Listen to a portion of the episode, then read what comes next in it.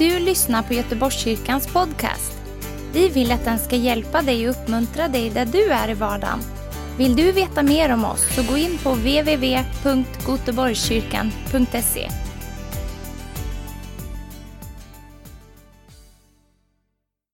Traditioner är vi ju inte så bra på, men det finns en del traditioner som är riktigt bra, men som nästan blir lite konstiga när man inte kan dem.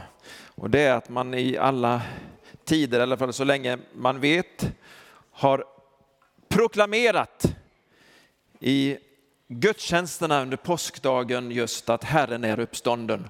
Och då svarar hela församlingen med att han är verkligen uppstånden. Och eh, många gör ju det här bara som en tradition. Men om han är verkligen uppstånden också i våra liv, i vårt tänk, i våra hjärtan genom att hans ande bor i oss, då blir det på ett helt annat sätt. Så även om du inte är där än, att han verkligen är uppstånden, eller som man säger i England, Gregory, indeed. Indeed. Men vi tar den svenska varianten. Herren är uppstånden. Ja, och en del tvivlade i sina hjärtan. Eller hade ännu inte fått ordning på talapparaten kanske. Det är ju så här att de människorna jag ska prata om nu, de fattade inte alls att Herren verkligen var uppstånden. De skulle gå till graven och de pratade otro och de hade tvivel. Och ändå hade de hört Jesu ord, att han skulle lida, att han skulle dö och att han skulle uppstå ifrån de döda. Men det var precis som att de bara i hänförelsen, i framgången, när liksom Jesus bara blev större och större och populärare och hans under var mer och mer fantastiska, så hörde de inte att han skulle lida, att han skulle dö, att han skulle uppstå. Därför de hade ett annat tänk och så här är det också för många troende. Man får in liksom ett tänk att allting ska nu bara gå bra. Nu har det vänt för nu är Jesus med. Nu är det bara framgång och härliga tider. Och så kommer det lidande, besvärlighet, uppoffringar och vi tappar det. Men han är uppstånden. Vi kan inte plocka bort lidandet och bara ha härligheten. Vi kan inte plocka bort liksom eh, döden och bara och uppståndelse. Det här är så mycket både och. Nu predikade jag igår en del var inte med då, för det var på Östra kåren här, eh, grannförsamlingen i Iglesia de Christiana i, i Frälsningsarméns eh, lokal. Eh, och eh, det var eh, de första verserna i Lukas, jag ska inte ta dem så mycket, utan vi ska hoppa in i Lukas 24 och så ska vi gå fram ända till vers 32 och så ska vi gå i mål på 52, så det blir inte så jättemånga eh, versar. Och det börjar så här, ge lite bakgrund. Kvinnorna har kommit till graven. Den är tom. Och de får budskapet till sig, varför söker ni den levande bland de döda? Kan man ju fråga sig. Och då talade jag igår om att man ska öppna sin bibel, alltså öppna sig för Guds ord. Man ska öppna sitt hjärta, men man ska också öppna sin mun. Och här står det om de här kvinnorna eh, vid graven. Eh, att de på något sätt så, så trodde de och förstod och de berättade för de andra, men de kan ändå inte riktigt tro. Och det står till och med i vers 11, det kvinnorna berättade uppfattade dessa som tomt prat och det trodde inte på dem. Jag tänker liksom att jag sitter på ett släktkalas och så ska jag liksom ta tillfället i akt och så ska jag berätta då om, om Jesus och hans död och uppståndelse utifrån en liknelse. Och jag bara förstår när jag pratar att de uppfattar mig bara som det är tomt prat. Hur roligt var det? Har ni känt det någon gång? Ja, det kanske ni känner varje söndag, men jag menar om ni har känt det någon gång när ni själva har sagt någonting att nej men de tar inte emot det här. Du berättar det bästa du varit med om, det heligaste och det härligaste och det starkaste och de tror inte på dig. Det är ganska så jobbigt. När de här kvinnorna berättar att Herren har verkligen uppstått, han har sannerligen uppstått, då tror inte de, de tror att det är tomt prat. Visst är det märkligt? Alltså det här är människor som har varit med Jesus i flera år. Man har hört det här. Man älskade honom. Man liksom var egentligen beredd att ge sitt liv för honom. Men när de säger, nu har det hänt det som skulle hända. Men vi har svårt för det här med uppståndelsen.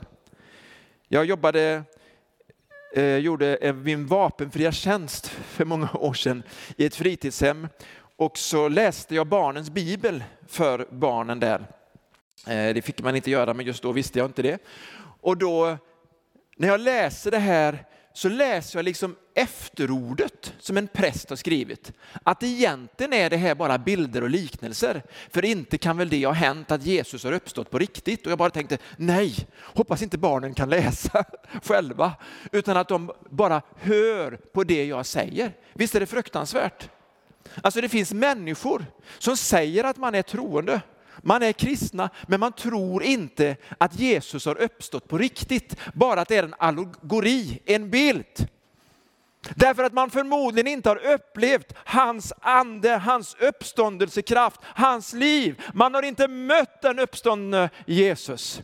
Så då berättade jag också det igår, att det var ju det som gjorde skillnaden för mig. När de här levande kristna sa, Kristian du måste fatta det där med Jesus. Ja men han är ju död, så jag. Nej men han har ju uppstått, så tänkte jag. Har han uppstått? Ja men det vet jag ju. Men jag hade inte fattat det på riktigt, jag hade inte upplevt det. När jag hade upplevt det själv, alltså när jag tog emot honom, då förstod jag att Herren har uppstått. Och han är sannerligen uppstånden. Så nu provar jag igen. Herren är uppstånden. Några decibel till. Åh, det blir spännande i slutet det här. Kommer att spränga högtalarna i TV Vision Sverige om det nu går att spränga sådana. Sen så tänker jag så här. När vi upplever att det är tomt prat, jag slutar, jag bara söker ett nytt tillfälle. De här kvinnorna visste det kommer fler tillfälle. Och Jesus, han föraktar oss inte när vi tvivlar. Han ger oss nya möjligheter och nya ord. Han tillrättavisar oss när vi tvivlar.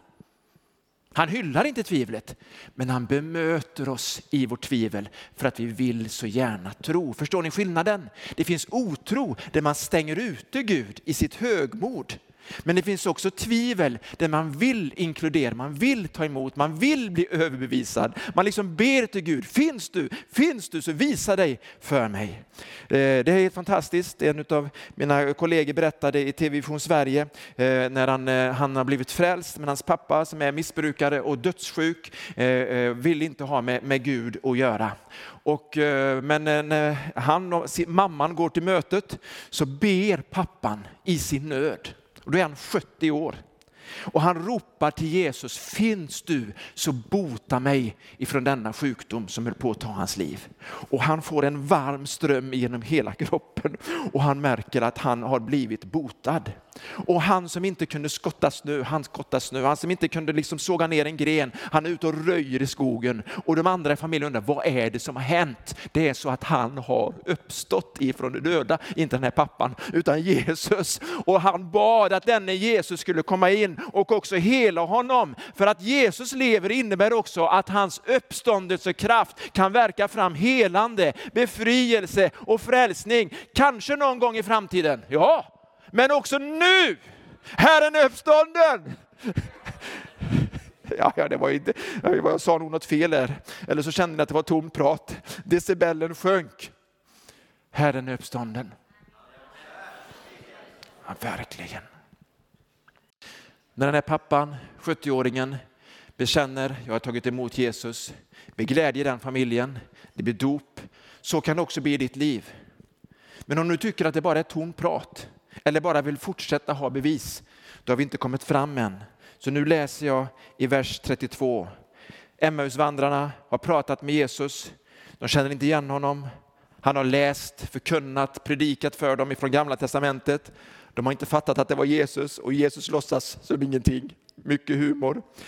Och så, så säger de till våra hjärtan när Herren har varit hos dem och så bara försvinner han.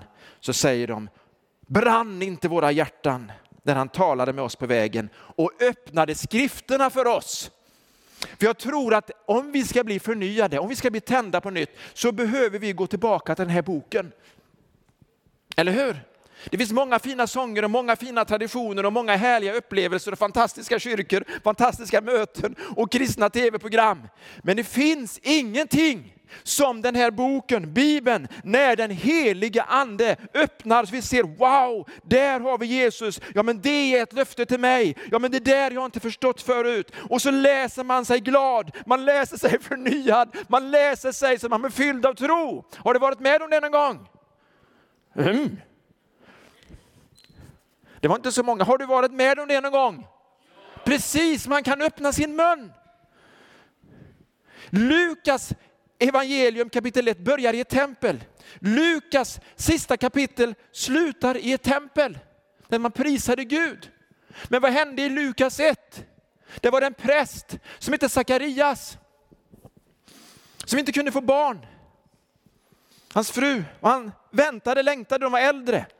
Herren säger, du ska få barn och han ska vara en föregångare. Och det, liksom, det ska bli väckelse och omvändelse och människors hjärtan och det, allting är bara underbart. Det är både barn och väckelse och förnyelse. Och man kan tänka sig, wow, bönesvar, äntligen, tack Gud. Han bara, hur ska det här kunna ske? Hur tänker du nu då? Alltså då har man, det blir så tyvärr efter många års böner.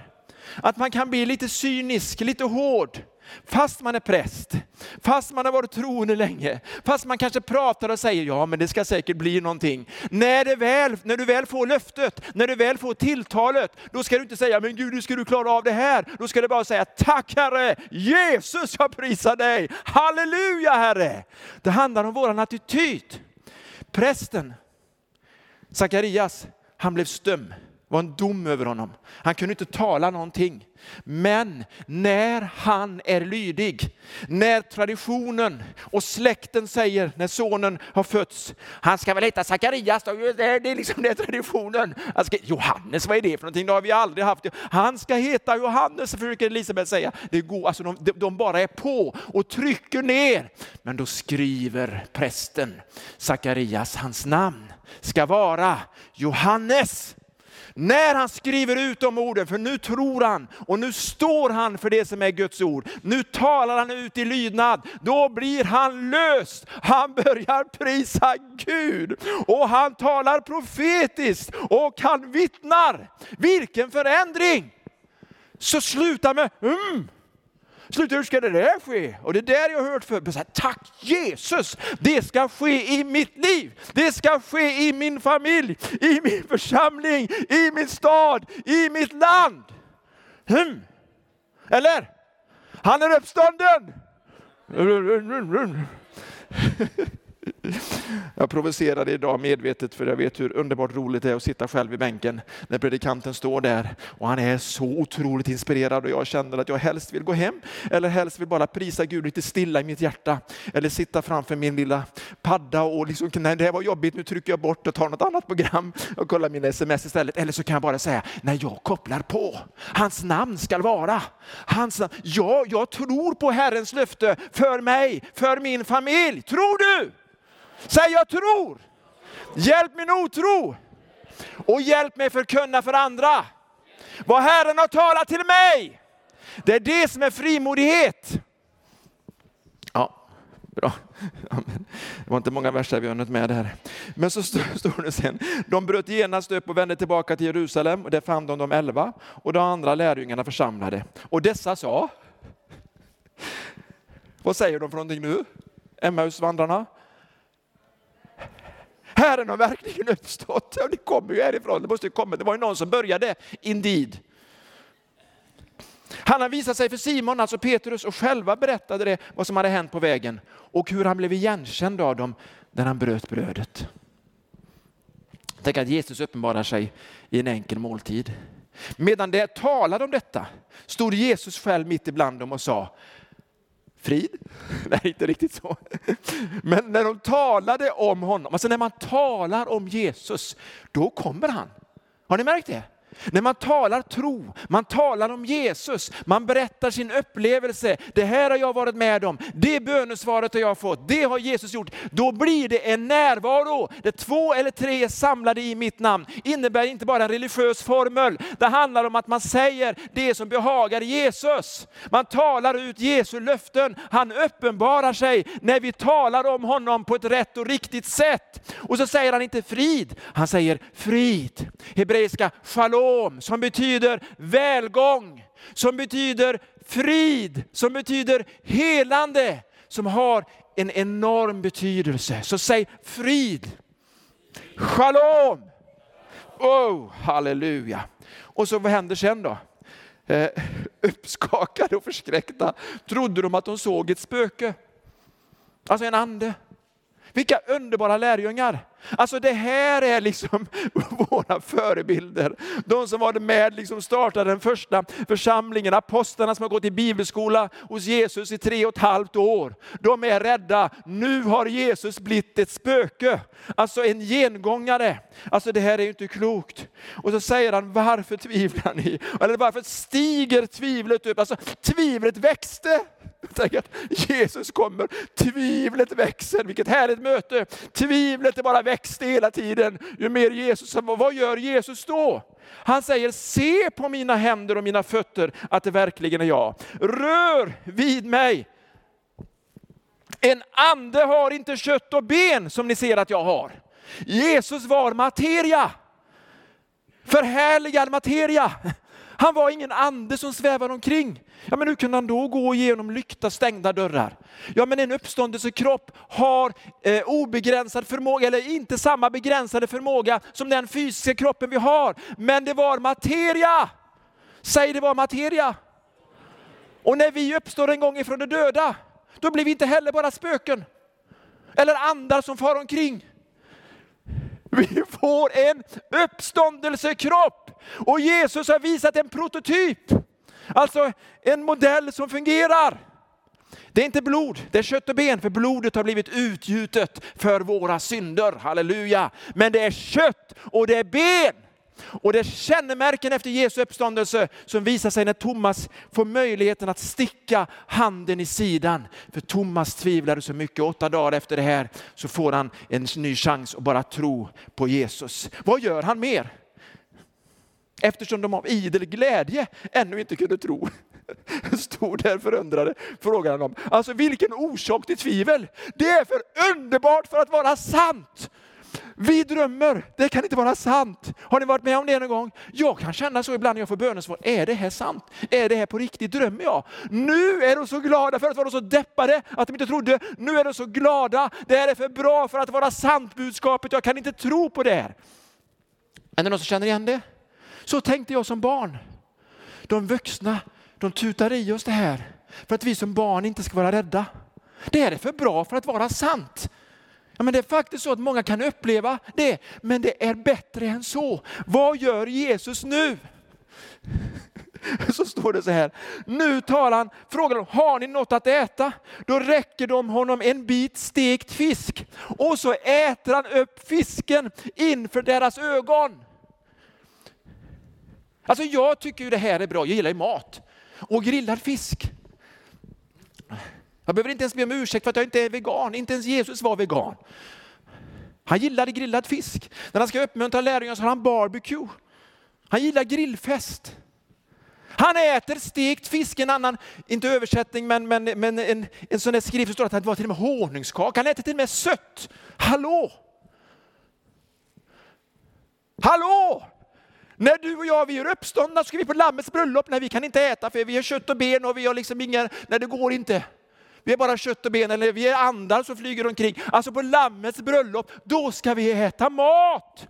I våra uppståndelsekroppar. Men hur kan du tro det om Jesus har den här uppståndelsekroppen? Nej, men jag gör det lite sämre till dem. Eh, liksom, de är inte så mycket för att äta. Alltså hallå, är det någonting som vi är mycket för? Vad handlar de mesta programmen om på tvn? handlar om mat och efterrätter och kockar. Alltså för mig är det en ren plåga att se på människor som gör mat när jag inte får någonting. Alltså jag vill ju se maten och lukta på den och äta den. Halleluja! Är det någon mer än jag som tycker att det här är underbart? Säg halleluja då! Säg jag ska äta i evighet. Ja, du har aldrig sagt det förut, jag vet att du är helt chockad nu. Det här är för bra för att vara sant budskapet Christian. Lägg av, ta emot det! Alltså människor behöver höra det här. Att uppståndelsen är på riktigt. Paulus, han märkte att de trodde inte på uppståndelsen. Vet du vad han sa? Han säger så här, de människorna som det är mest synd om i hela världen, det är de som inte tror på uppståndelsen.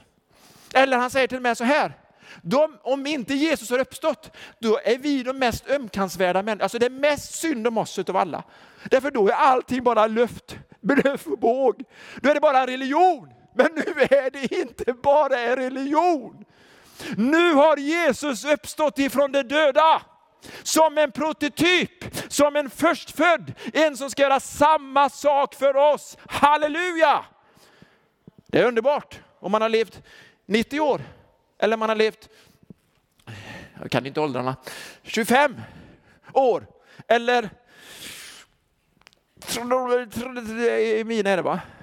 Ja, 11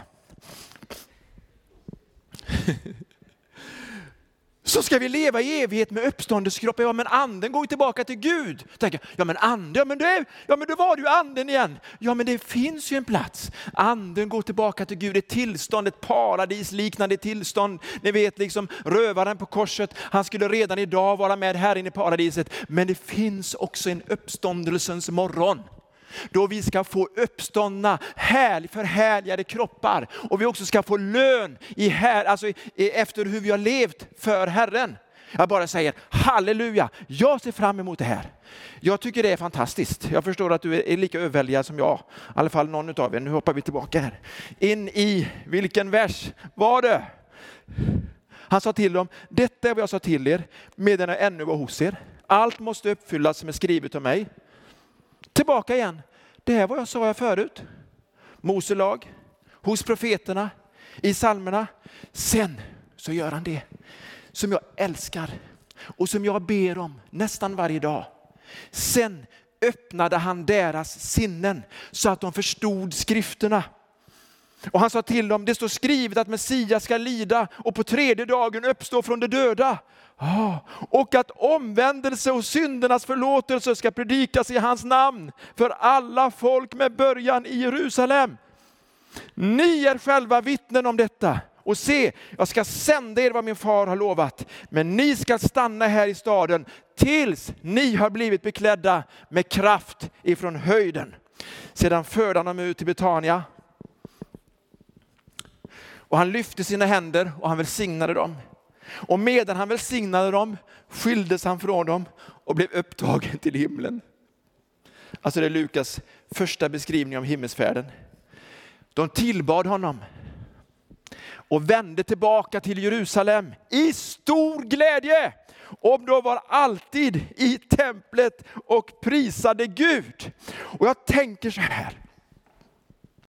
När vi öppnar oss för Guds ord, när vi lyssnar till predikan, då gör Gud någonting i våra hjärtan. Han öppnar våra sinnen. Men vi tar ett steg och hör Guds ord och han ger oss tro i våra hjärtan.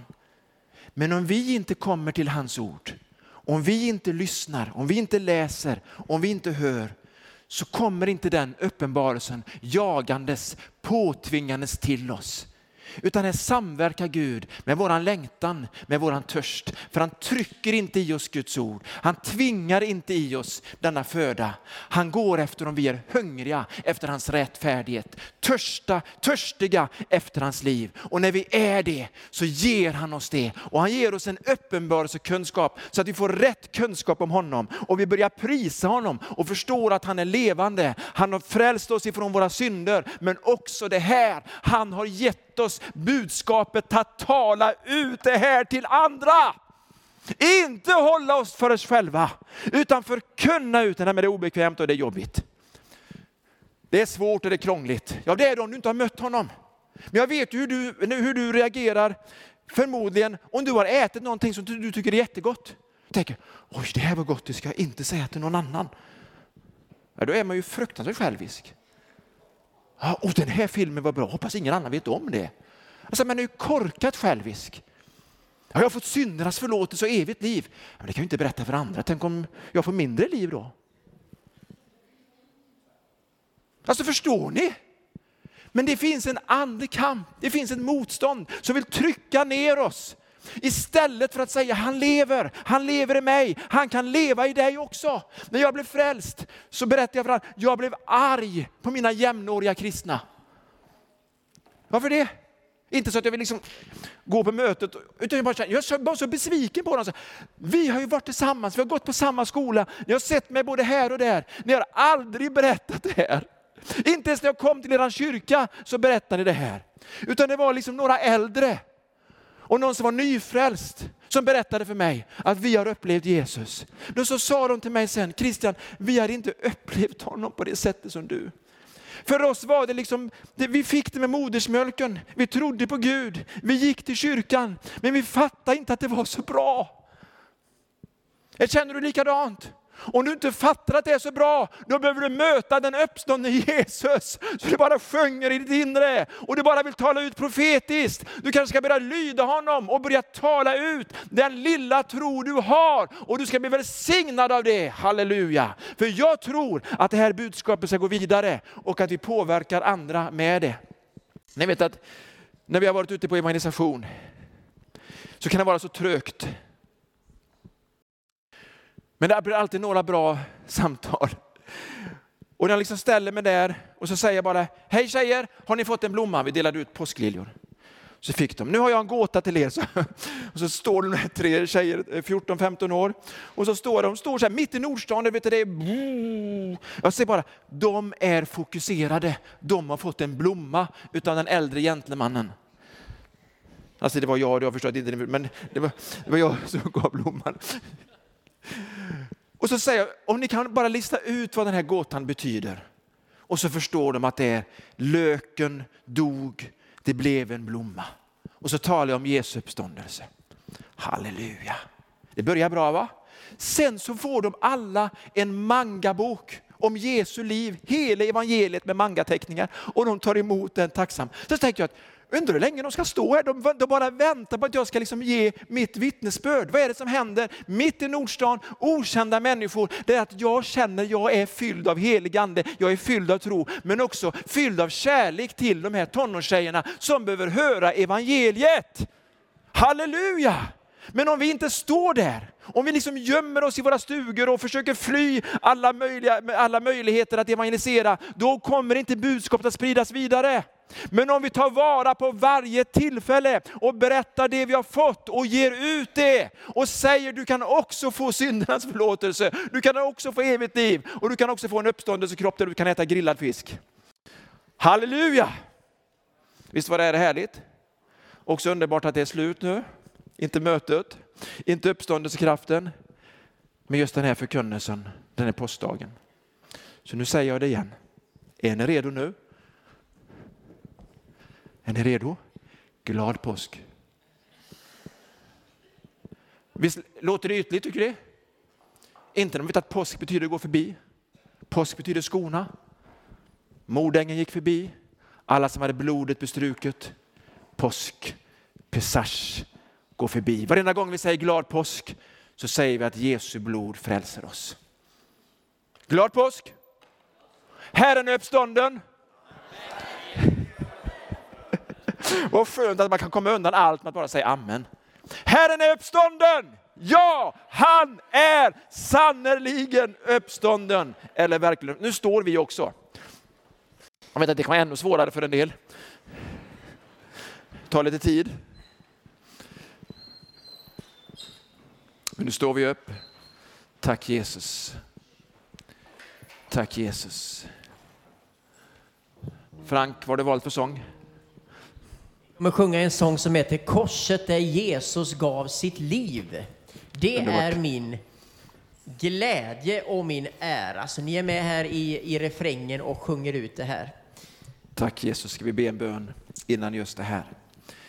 För att få uppleva uppståndelsekraften behöver man naturligtvis tro på Jesus, att han dog för oss. Att uppleva kraften i sitt eget liv behöver man också dö bort ifrån sig själv så att Jesu uppståndelsekraft verkar där. Så jag frågar dig, du som bara vill att jag ber en bön för dig, ska du sträcka din hand också? Bara sträck, Gud välsigna dig. Någon mer? Bara sträck din hand, ska jag be för dig. Dig med, dig med. Tack Jesus. Dig med, dig också. Herre, du ser de som har sträckt sina händer just nu, Herre, men också de som lyssnar. Tittar på oss på olika sätt, som har kanske sträckt sin hand där i ensamhet, därför att du ser. Du ser också våra hjärtan, Gud. Du ser varför vi gör som vi gör, att vi vill inte tvivla längre. Vi vill inte vara tysta längre. Vi vill tala ut. Vi vill vara frimodiga. Vi vill vara andefyllda. Vi vill vända till dig. Därför så ber jag för de som har sträckt sina händer, som bara vill dö bort ifrån sig själva och leva detta nya liv. Uppståndelsekraften i Jesu namn. Jag ber för dem som har sträckt sina händer också Gud, som jag ser med oss eh, på digitala medier att de också förstår att du är där, du är närvarande för du är uppstånden. Du är uppstånden ifrån de döda och vi söker inte dig ibland de döda, vi söker dig ibland de levande. Vi söker dig i ditt hus, vi söker dig i din närvaro, vi söker dig genom att säga namnet Jesus. Ty var och en som åkallar Herrens namn ska bli frälst. Han ska bli frälst. Så där börjar frälsningen och där fortsätter den och där fullbordades den genom Jesus Kristus som dog på korset för oss, men som också är uppväckt ifrån döda. Tack för att du har lyssnat. Dela gärna podden med dina vänner och glöm inte prenumerera. Om du har frågor eller vill att vi ska be för något så mejla oss på info På söndagar har vi veckans höjdpunkt då firar vi gudstjänst tillsammans och det vore så kul att träffa dig där. Men vi har även samlingar för barn då? Gå in på vår hemsida goteborgskyrkan.se så får du veta mer. Välkommen till oss!